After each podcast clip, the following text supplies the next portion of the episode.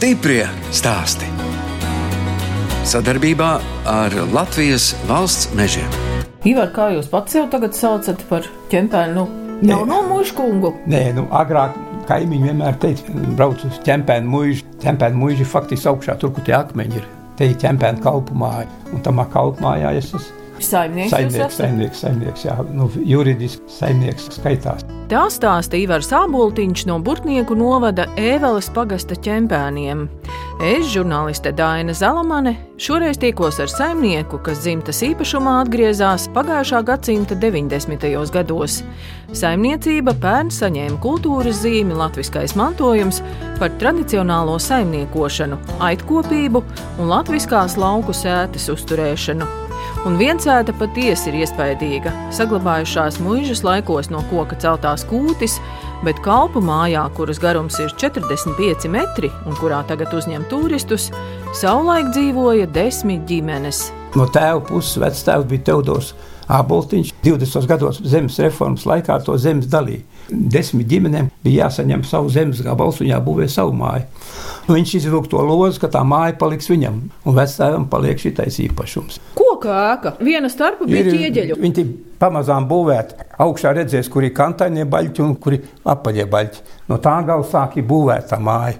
Tas mužkungs ir būvējis visas tās konstrukcijas ar milzīgiem tvērieniem. Oskar Vankublinski, jā, viņš bija no Polijas 1880. gados atbraucis un kļuva par ķempēnu saimnieku. Augšā viņam bija pienotavs, ierotavs, kaut viņš pats bija dakteris par cilvēku līniju, bet viņš nodarbojās ar lauksaimniecību. Ķempēnu apkārtnes cilvēkiem daudz darba. Tur akmenī ir iekārts OVK Kublinskija, un apakšā vēl ir tā arhitekta veids, tā akmeni iegravēti. Visas būvs te ir divstāvīgas būvētas. Mūžkungs ar plašu tvērienu. Kūts bija arī divstāvīga koku konstrukcija. Bet, nu, 70. gados tēvs vēl bija, tad mēs te laidām no to otro stāvu, jo viņš sāk stobīties. Jūsu bērnībā šeit tikai jūsu ģimene dzīvoja? Nē, to galu kolhos vienkārši okupēja. Ielika savus ģimenes, kas kopa mājlopus. Teļi bija un aitas pēc kara. Mama vēl man slauca govs, ko savāca no cilvēkiem privātiem, kam atņēma tos lopus. Tev varēja palikt tikai viena govs viena cūka un dažs šaitas varēja būt. Un tēvu ielika par kolhoz brigadieri. Bet tūlīt pēc gada aizsūtīja uz Karagantu trimdā uz 25 gadi. Arī pēc tam, kad viņš atnāca atpakaļ no Karagantas 1955. gadā. Pa kolhoz brigadieri ielika atkal tāpat atpakaļ kā jau pirms tam. Ja. Un, un tā viņš mūs cēla piecos kādreiz augšā, bija jāiet pļaut sienas ar izskapti. Tā nekāda tehnika, izņemot zirga tehnika bija, bet tāda lauka jāpļauj ar rokām bija. Un peļņā mēs ap divu brāli gājām. Tur bija tāds šķūnis, kur vajadzēja saviest lielopiem sienu. Tad mēs piecos cēlāmies ar zirgu platiem vāģiem, krāmēt va divu kubi virsū, sienas zārdas. Un tad vedi iekšā tam šķūnī ziemas barība. Tā kā mēs arī tad strādājām, ja, un paši sev ražojām to sienu, lai savai govī pietiktu. Cūks bija un aitas abi. Mammai jau viss tas bija. Vidusskola, beidz 1974. gadā. Pa to vasaru mēs ar draugu pastrādājām Valmieras mēbeļu kombinātā. Koku zāģēt vēl baļķus vēlā pēc 11. klases. Tagad nemaz nevarētu celt tādas baļķus. Un tad rudenī, oktobrī izsauc uz karu komisāru armijā projām. Dienēja prom Murmanskā. 30 km no Mūrmanskas radiotehniskā daļā nodarbojās ar radiotehniskām lietām. Es jau ar 5G strādāju jau tādā laikā, tur raidstacijās. Tā bija moderna elektronika. Tēvs teica, tev te nav ko maisīties, ej, brauc uz Rīgā mācīties. Palīdzēja man atrast vēl dzīvokli tur un trāpīja pie viena drauga, tāds Juris Grēve. Viņš bija radiotehnikas jau zinātņu kandidāts. Viņš jau bija beidzis to radiotehnikas fakultāti. Es vēl tikai sāku. Tas bija Politehniskais institūts. Politehniskais institūts. Es aizgāju vakarā mācīties. Un pa dienu strādāju automātikas skaitļošanas fakultātē vienā zinātniskā laboratorijā. Piedāvāju, vai tu negribi vadīt vienu saimniecisku dienestu. Un es tad vadītu informācijas dienas un visu to saimniecisko dzīvi tur tam laboratorijā. Ja. Cik ilgs apmēram bija tas periods, ko jūs Rīgā nodzīvojāt? Oi, no 108. līdz 90. gadam 22. Es tur kļuvu par tās laboratorijas vienu no tiem vadošiem darbiniekiem. Mans amats skaitījās vadošais inženieris, un tad es tur nodarbojos ar visu šo nodrošinājumu, lai tam zinātniekam jāsēž pie galda un tā zelta oliņa jādēļ. Jārada tie brīnumi. Nu jā, jārada tie, brī, jā, nu jārada tie brīnumi. Jā. Un sieva jums bija rīdziniece? Jā, viņa bija rīdziniece. Viņa atsūtīja darbā pie manis palīgā tos mērījumus taisīt. Viņa bija pasniedzēja automātikas skaitļošanas tehnikas fakultātē mērījuma laboratorijās. Viņi mācīja to studentus un laboratorijas vadīju. Un ko viņa teica, ka jūs izdomājat, ka jānāk uz lauka? Viņa jau bija tā, kas man zināja no Rīgas. Tāpēc, ka pilsēta dzīve jau ir tāda saspiesta. Es jau aizgāju uz Rīgu, tam pirmā gadā es pa ielu, pa trotuvāru nemācīju iet. Man vienmēr bija jāsaskrienās, kā laukos tu ej brīvi, to neviens netraucēja. Droši vien, ka jūs jau te braucāt tāpat tā saikni jau ar šo vietu nebija zudus. Aš tēvs, viņam bija iekrājums un man bija iespējas dabūt mašīnu. Rīgā, ka Politehniskā strādāja, to īši hombija tāda Moskviča. Tad mēs to nopirkām, nu, un tad mēs braukājām katru sestdienu vai otru sestdienu, te bijām vienmēr šeit. Un tā kā viņas vecākā palika tādi nespēcīgāki, tad tie viņas vecāki atbrauc šeit, un tā viņi te visi četri dzīvoja kādu laiku, kamēr nu Dievs paņēma. Tā kā viņi te pat Eivolas kapos visi apglabāti ir. Kalpu mājas otrajā stāvā Ivars Āboltiņš iekārtojas arī nelielu muzeju. Cilvēki redz, ka tev ir tāds muzejs, Man tur atveda tos svarus, kas bija kādreiz padomu laikā, tās lokus ķēres, kas tur ir, ko taisīja ilgvilnis meitenes. Un tur ir līnijas kulstāmie un tā tālāk. Manā dzimšanas dienā atbrauc veselības ministrija savā pasākumā un atveda veselu īpašu tādu dāvānu, vēl tādu simbolisku krūzu un tādu vietu, kur nolikt visus tos tur tādas interesantas lietas. Tur sābu klubs, auto sābisti, taisa savu sajietu, atved savu vimpeli vai Igaunijas atbrauca kaut kāda ļoti interesanta pudelēm. Lādēs tur iekšā ir segas, tur saliek, un, un vienā lādē kā lādes ģērētās saliek iekšā. Tad tur tāda gulta uztaisīta, viena veca arī dabūt ulmaņa laika. Bet vienmēr kādā pasākumā kāds izdomā, ka tamā gultā viņš var iegulties. O, nu, viņam tā muzeja gulta. Pavadīt nakti muzejā, vai ne? Muzejā. Vajadzības bija tik lielas, ka kādreiz bija pārpa simt cilvēku uzreiz. Tā kā vajag, lai katram ir savu vietu. Stiprie stāsti.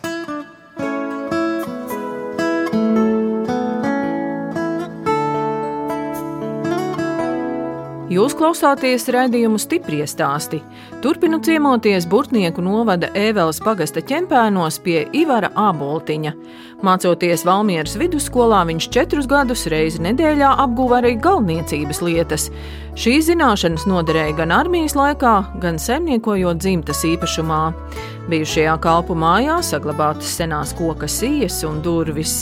Šitai te telpa bija tāds kā vāgūzes vecais tēvs, kā dabūja to māju. Viņš iztaisīja, kur likt zirga lietas. Es pats ar zirgu pa tām lielām durvīm braucu ar sienu pīku iekšā. Kāds neparasti tas mūrītis ir, Jā, viņš ir dubultā bija.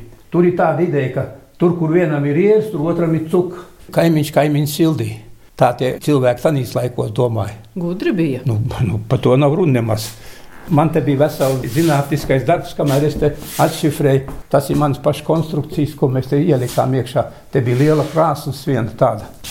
Nu, es te iebūvēju kamīnu, slēgu siltums un rekuģi trubas un augšā iet tas, kas pie manis tur deg kamīns, tas piecas istabas augšā silda un šitais atkal piecas istabas silda ar silto gaisu. Kamīnam, jotulam ir liela siltuma ietilpība.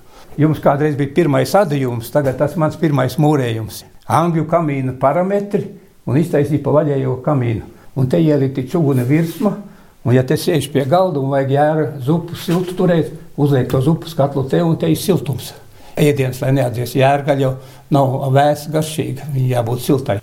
Un šitie ķieģeļi ir no viena kaimiņa mājas, kur mans mammas tēvs, vectēvs, bija mūrējis pagrabu. Pagrabu vēl bija tā, tā, tādiem robiem, lai durvīm būtu ko ieliet iekšā. Un es tos ķieģeļus savācu kā piemiņu no mana vectēva. Bet kā tie ķieģeļi tādi neparasti, nevis nu, tā, tā- kā nē, nu- taisna stūra, bet Tā gropa taisni tika mūrēta. Kokā to pašu taisa, ka durvis, ka ieiet iekšā tāds. Te bija viena tāda maza telpa, mēs iztaisījām kā garažu padomu laikā, kur ar savu īšu kombiju, kad atbrauc no Rīgas. Nu, pie tēva mātes es iebraucu iekšā. Te bija mašīnas garaža, te bija bedri, kur apakšā palīdz paremontēties. Es saglabāju visu veco sistēmu, ko varēju. Ir tie griezti, tādi paši oriģināli bija. Jā, te bija vecstāvam. Tur stāvēja liels durvis, tad tās abas telpas savienot, tā var simt cilvēku apsēsties. Galda virsmas tās man te kaimiņos jācenot pie meistars. Tos galdus es pats izprojektēju, kā man būtu pa telpām, lai viņi var izvietot smuku, lai viņi ieiet telpā. Tagad astoņi cilvēki var piesēsties pie viena galda. Nodublē- tiešām tās sijas bija tik skaistas kādreiz tiek griezt. Es viņus notīrīju un nopinzelēju ar veco motoreļu automobīļu. Kāpēc? Tāpēc pielēja benzīnu klāt, lai šķidrāk smēri, ka tur tā neviens grauzējs nemetās un nekāda kukaiņa nedzīvos nekad. Bet viņi izsmirdējās un ātri izgāja tā krāsa ārā un palika tumši. Un sienas ir visas nodublētas ar vati, akmens vati, kartonu un tad tie dēļi. Speciāli paša mežā taisīts, visi tie dēļi ir. Ja. Ēvelē vēl bija gaters, tādā veidā tā kā būtu guļbaļķi. Visādas gudrības te ir sataisīts. Tad mājas galā tur bija tā kā tie baļķi izpuiši, un brālis man palīdzēja. Mēs tur ielikām iekšā aitu vilnu pa starpu, nemazgātu. Jo nemazgāta aitu vilnā nedzīvo neviena kukaiņa. Ne pelīte, ne žurka, neviens tur nelien iekšā. Tad tie sviedri viņiem nepatīk aitu vilnas. Bet lampa jums ar skaisti no vecā riteņa tādā ķēdē iekārta. To jau es izdomāju, ka tāda varētu. Un tie vecie rati tepat kaut kur bija augšā. Tie bēniņi bija tā pielādēti, ka tur divi vīri veselu mēnesi krāmēja ārā. Nu, vecais tēvs viss, kas ir liekas, to vedis, cik augšā bija.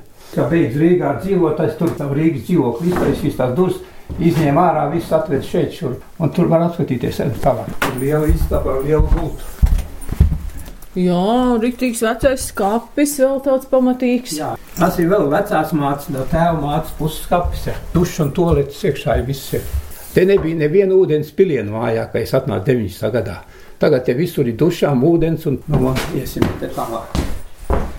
Te bija liela virtuve un te bija tāds caurstaigājums koridors, liela telpa te bija Vecam tēvam tā vēl skaitījās savā laikā vasaras mītni. Viņš tur savu tabaku žāvēja un, un tagad ir izstāsta. Jā, un visur tautiskie pārklāji gultām. Aitkopība bija slavena, ka varēja to produktu izmantot. Man te bija tāda jērcēnos galvniecības ceks kolhozam, un tad tur viņš vēl ilgus gadus, tas bija darbmācības skolotājs Strenču vidusskolā. Tā man bija ļoti izdevīgi, ka man vajag es pasūtos karkasu, stiklu sakal Valmierā nogriežu, saliek kopā visu un sataistē atkal visu. Un gults ir mājā taisīts viss te. Tie madrači, te ir tas te interesantums.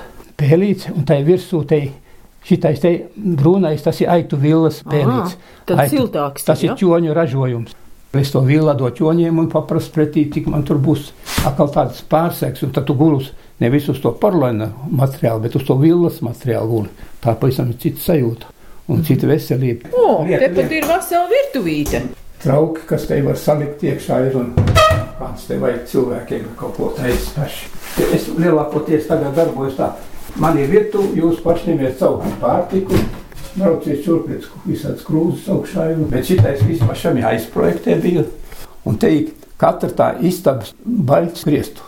Sienā ir studu baļķis, lai turētu to guļbaļķu sienu, kas sēžās, lai ne, viņš jau tāpat redz, kur slīps jau ir. Mm -hmm. Un tā es ieliku iekšā katrā vietā stūtis vēl uz akmeņa pamatni ritīgi ieķīlē iekšā, lai man tur tas te māja nesēžās dziļāk vairāk. Rekā mēs atnācām līdz pašam mājas galam, vai ne? Jā, nu tagad ir mājas gals, 45 metri. Te ir vesela pastaigā, vai ne? Jā, Kamēr jā. šķērso to māju no viena gala līdz otram. Kāda vispār ir tā cilvēka reakcija, kad viņi atbrauc un ierauga šo milzīgo garo ēku kalpu māju?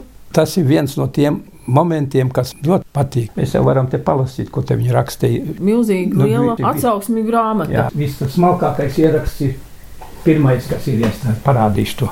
Nu, kas te būs prezidents? Nē, nē, nē, nē. tā. Apciemojot Latviju, izjūtam to pašu mieru, kas ir mūsu lauku dzimtenē. Japāņi tie samīdīta zāle atjaunojas. Jā, nu, tā, à, un šeit tas, ir japāņu valodā blakus. Gidi iztūkoja tur un zāle atjaunojas, tas nozīmē, ka padomu sistēma brūk un mēs atnākam atpakaļ atkal viss tā kā vajag. Tas bija tā dziļi politiski sapratne zem tā te viss ir. Jā, un kurā gadā tas ir? Ā, 93. gada 24. jūlijas. Jā, ar to sākās mana viesu grāmata. Nu, tad te ir pilns ar visādiem, visās valodās. Ko jūs parasti rādat, kad cilvēki atbrauc? Vedat pie aitām vai vienkārši rādat māju? Brauc pie manis kā vietu, kur atpūsties un izmanto kā guļvieta, ēdināšana. Pa dienu kaut kur aizbrauc un vakarā atgriežas. Nu, vācieši, kas brauc šeit, dzīvoja 90. gadu sākumā, viņš teica, tu neko nemaini, to, to cirīti tes tālāk tikai. Nu nebrauc jau pie jums uz eiro remontu skatīties. Nē, nē, nē, nē, nē, tas viņiem pietiek tur pašiem. Un tāpēc es ar to cirīti tā mierīgi strādāju uz priekšu. nē, nu gluži ar cirīti jākās, bet nu nemainīt to iekšējo interjeru. Nu šī tāpat mēbeli, viņi te iekļaujās. Jā visas tās koka sijas, koka griezti nu, jā. un aitu vilnas pārklāja. Pārklāja, jā. Man segas arī tādas pašas. Ivaram Āboltiņam Ēvals pagastā pieder 50 hektāru zemes un 30 hektāri meža. Viņš izveidojis arī dīķi un peldvietu. Tā vietā, kur tie dīķi ir ierakti, tā bija tāda zema vieta. Vecstāvam tur bija pļavas, un es tur mēģināju uzart to zemi traktoriem grimu nost. Zema vieta, gruntsūdeņa augsts, un tur nekāda labuma no tās zemes nav. Tad apmēram kāda 2,5-3 hektāri tur ir tāds zemes gabals. Da es domāju, dīķis tur iztaisīsim, man tur tāda upīta tek. Un es satieku vienu to zivu audzētāju, tagad viņš ir pielūgsnis. Viņš saka, tev te dzīvo grunduļi, tam upīte, tad ir ļoti tīrs ūdens nāk. Rīgā Melorācijas projekta institūtā iztaisīja projektu un sataisīja to upīti vienā vietā ciet un ielaidām ūdeni iekšā. Un tagad es esmu iztaisījis tā, kā man vēl labāk, kad caur tek trubu un tek iekšā, kad līmenis ir augsts. Vienmēr, kas ir liekas ūdens, nāk iekšā man caur man dīķi, iet ārā uz nākošo pusi. Jums tur pat zuši aug? Jā, zuši mēs ielaidām. Piebarojot tās zivis? Kā bija forelis, tam mēs piebarojam stipri. Jā. Šitiem pārējiem neprasās. Es ielaidu amūrus tādu, kas ēd zāles. Viņi iziet visas zāles, un vēl kundze teica, visas rozes sarapēdē. ūdens rozes. Jā, jā. visas ūdens rozes sarapēdē. Karpa ir un tās dīķu zivis, kā saka. Un man atkal draugi atved kādreiz saķērš viņam mazā zivtiņas palikš pāri. Tā atved tās ielaiž iekšā, un tad tur dzīvo visi tās zivs, kas pa to upīti ir migrējuši no sedas nāk augšā. Sēde saistīta ar Burtnieku ezeru. Un tāpēc tā zivs tur sanāk visādas kopā. Pirmkārt, mēs, kā izrakā, mēs uztaisījām peldvietu tur. Paņēmu tādu īpašu granti, tad man te bija vienā vietā rupja grants, un tad es nobēru to visu dīķu apakšu tur un to peldvietu ar to granti. Lai varētu kājām smuki iet iekšā un peldēties. Bērni var iet tur, pamērciet kājas, un var iet tā, ka galva ir 2,5 metru dziļumā. Ir. Saimniecībā ir ap simts aitu ganāmpulks, tās nākušas mantojumā no kolhoza laikiem. Es jau samaksāju 800 latu par to kūtu pirkšanu. Kas te jums tagad skaitās šķirnes saitas? Man visu laiku gāja pa šķirnes saitām, bet divu gadu atpakaļ tam man paliek pa parasto saimniecību. Tāda aitkopība un tas lauku turisms ļoti labi kopā gāja. Mēs ar to jūsu strādnieku te pastaigājām pa to jūsu teritoriju. Jā. Viņš man rādīja, kur jūs tur šašlikus arī cepot. Jā, jā. Tāds āra kamīns no jā, akmeņiem. Sašlika recepti ir īpaši man ir tāda. Bet es jau varu izstāstīt, tas nav nekas sarežģīts. Pirmkārt, gaļa jāgriež ir pa jērgaļu. Ja? Jā, jērgaļu. Muskulis nesastāv tā kā cūkai liela gabala.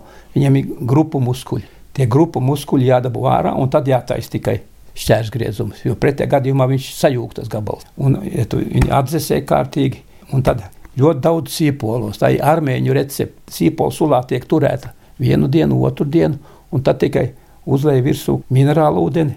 Es taisīju bērnu sulas speciāli saldēju, un, un tā lēja bērnu sulu virsū lai ievelkās tamā gaļā iekšā. Un tad tu, kad cep, sadur uz to iesmu, to gaļu un ar eļļu cepamo pārliet, tad nenodeg tā gaļa, bet izsūta. Un tas visiem dikti patīk, tur zaļumi un mērcīti un viss, kas bija nu, sataisīts uz galda ārpusē. Parasti vienmēr bija jāved brenguļu alus mutes šurpi. Un tad cilvēki tā atpūtās. Kāda to jēra zupu jūs ievārīja? Pats galvenais ir nedrīkst ļaut viņai sastāvēties siltā gaisā ne jau sasalus, bet vēsa. Gaļa, ja? jā.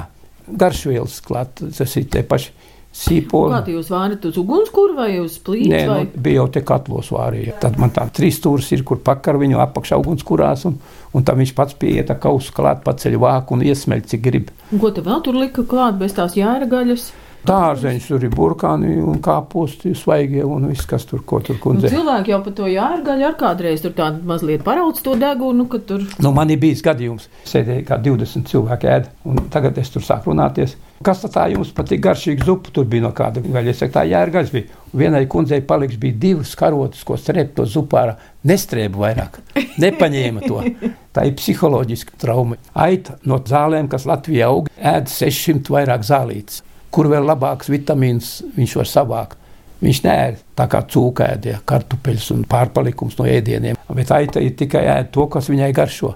Aita ir īpaši tāpat kā no stirnas ir tie visi meža zvēri. Viņa ir izmeklējusi savu barību, kas viņam ir prātam. Šitos pašus akniņus iztaisīja tādā uzlējumā. Aitu aknas? Aitu aknas, jā. Un man ir bijis daudz reizes cilvēku, kas jums tās par labu zivku, neviena asaka nav iekšā. Jā. Aknas notur par zivi? Par zivi, jā.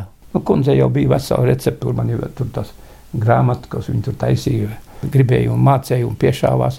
Un arī meitenes, kas palīdzēja, vienmēr bija te. Mēs jau vien pati mēs strādājām. Bija tāda cilvēki, kas nāca palīgā.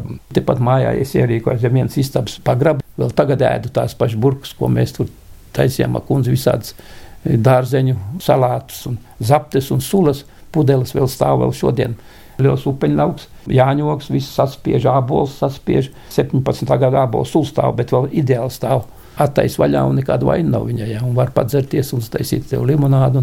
Tu vari savā vidē sagatavot ļoti daudz naturālo ēdienu un to pielikt klāt pie galdēdiena. Un tas jau cilvēkiem patīk. Tā nu izstāstīt par tiem saviem palīgiem. Es jau biju līdz aitu fermai aizgājusi, tur Oi, jums ir viens sākumā darbinieks. te bija tik daudz palīgu, kad es nezināju, cik daudz ņemt. Kolhos tikko kā likvidējās, tiem, kam nav darba, visi meklē darbu. Tad jau bija liela izvēle. Sākumā, kad vēl kolhos saimniekoju, man bija sejplatībās graudu sēti, kulšanas svēki, jātais galds. Tā kā latviešu laikos bija. Un visi patīk braukt. Tad te uzreiz zina, ka ķempēnos būs atkal galds klāts un varēs bišķi tā ēst un iedzert kaut ko. Un, un tad viņiem tas interesi bija. Un cik tagad jums tie palīgi ir palikuši? Nu, tas ir viens un, un Elgas kundze ir kas uz izsaukumu. Jā.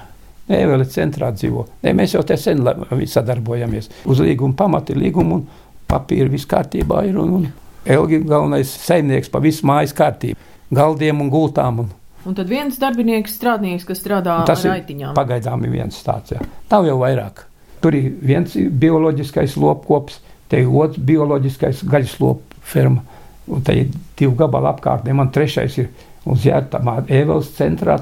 Un tad tie cilvēki, kas te palikuši, ir divi veci pensionāri. Tanī mājā tā viena kundze nodarbojas ar tortu cepšanu un visādām citām lietām. Stiprie stāsti.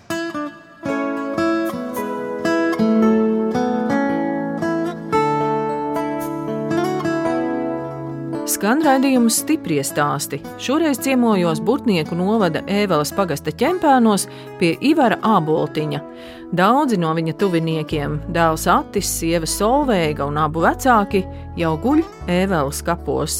Sievas vecāki, puika, sieva, vai tie visu gaida man tagad tur.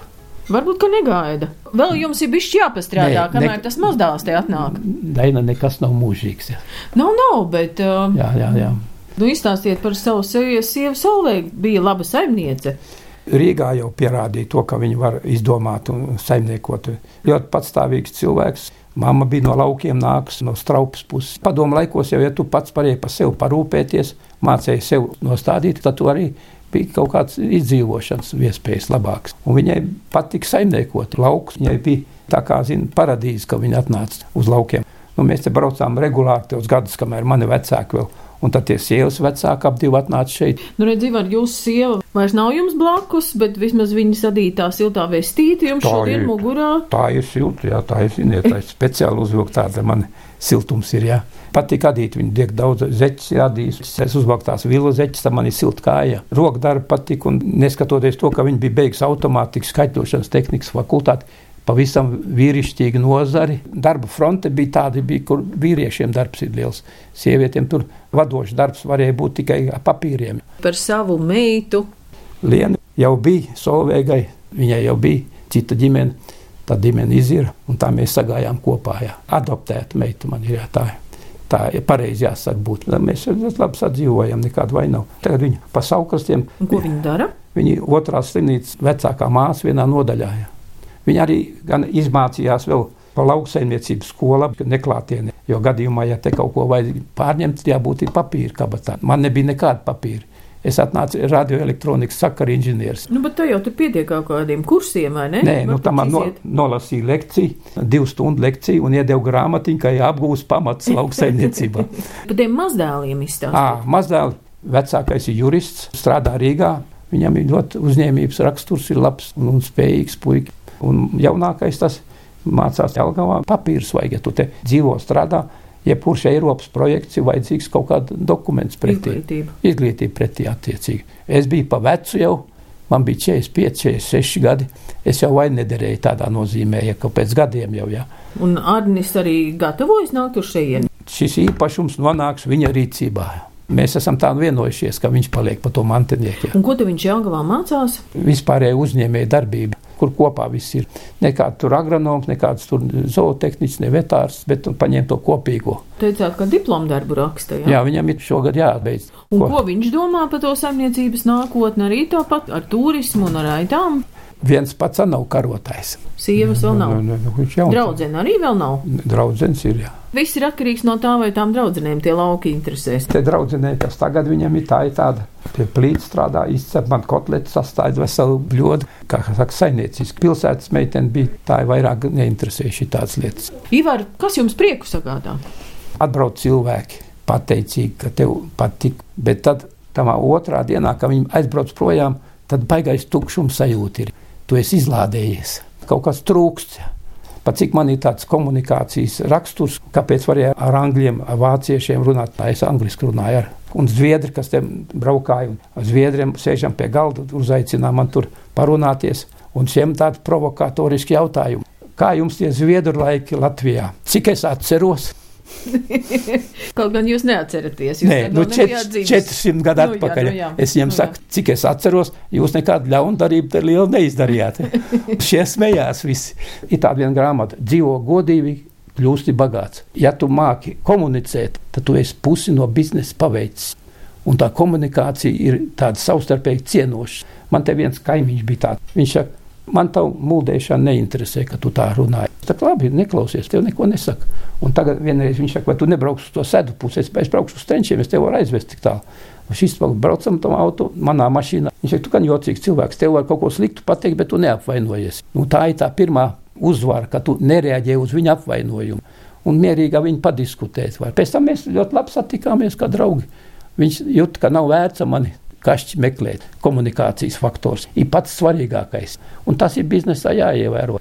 Katram savam darbiniekam, kā mēs runājamies, ir trīs lietas, tev jāzina. Jāredz, jāsāk domāt, jāsaprot un jāmāk izdarīt. Ja tu to vari izdarīt, tad tu esi cilvēks savā vietā. Vajag būt tomēr kaut kādai informācijai, kur tu vari analizēt un domāt. Tāpēc es teicu, redzēt, saprast un mācīt izdarīt. Redzēt, tas nozīmē, ka es izjārāpskatos, man tur tā sēta sāk stobīties, kad tie stabiņi laikam ir apakšā papuiši. Tad ir jāliek mainīt vai stiprināt viņus tur, jo nevar jau tās aitas tā ganīt. Kad tev drāžu zoks apkārt, tad tā aita vismaz stāv mierīgi. Asuns lec pāri un vilks lec pāri sētai. Nu, man ir vilki bijuši, ka te vilks ieskrien barā un paņem aitu. 5-6 šaitas no kaut šī. Viņš jau var lekt pa sētu pāri un viņam ir amats rokā. Un aitai otru nelaimi aita ieiet mežā, viņa ārā nevar izdzīt. Goslopu var izdzīt. Tas klausa. Bet aita ir tik duma, ka viņa den uz vienu pusi, viņš lec atpakaļ. Bet es iemācījos ar svilpieniem tā trenēt to aitu ganāmpulku. Es nosvilpos kārtīgi, apskatās, ja viņš ir aizgājis tur, kur nevajag. Fiks atpakaļ uz turieni, kur bija šī. Ja? Jāiemācās, ir tāda gājiena. Ivar, kā jums gribētos, kā lai te viss ķempēnos notiek un attīstās nākotnē? Redziet, izlaižot vienu paudzi, ir vienmēr problēmas. Tā jaunai paudzei, kas ienāk mazdēli, viņiem ir daudz laika jāpatērē vēl, lai viņi nonāktu līdz savai kondīcijai, kad viņi saimniekot grib un var un darīt, un viņiem ir zināma loģika. Un žēl, ka nav tā, kā vajadzēja būt, ka kopā var saimniekot ar daudziem. Viens pats nav karotājs, nu mazdēls atnāks, tā redzēs. Jebkurā gadījumā vecstāvu vide tēvu mantojums. Viņš bija jāsaglabā. Kā jādzīvo un jāstrādā laukos, Ivars Sāboltiņš saimniekošanu salīdzina ar māju, kur svarīgs ir viss - gan grīda, gan sienas, gan jumts. Grīda un pamats mājas tas ir ģimenes locekļi. Sānu sienas un viss tas konstrukcija apkārt mājai līdz jumta daļai tie ir darba spēks, kas tev palīdz turēt to māju kopā. Skurstenis un krāsnes, kuru kurinā tas ir saimnieks, kas dod to siltumu iekšā. Dūmi nāk ārā, tie zaudējumi, kas var aiziet gaisā CO2.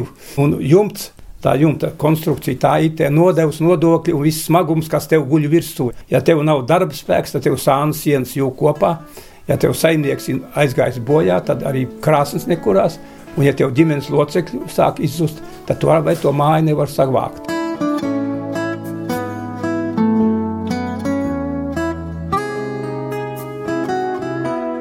Redījums stipri stāst izskan, un es atvados no Ivara Āboltiņa, kas dzīvo Burtnieku novada Ēveles pagasta ķempēnos, un pērn saņēma kultūras zīmi latviskais mantojums par tradicionālo saimniekošanu, aitkopību un latviskās lauku sētas uzturēšanu. No jums atvedās žurnāliste Daina Zalamane un operātore Inga Bēdele, lai tiktos atkal tieši pēc nedēļas.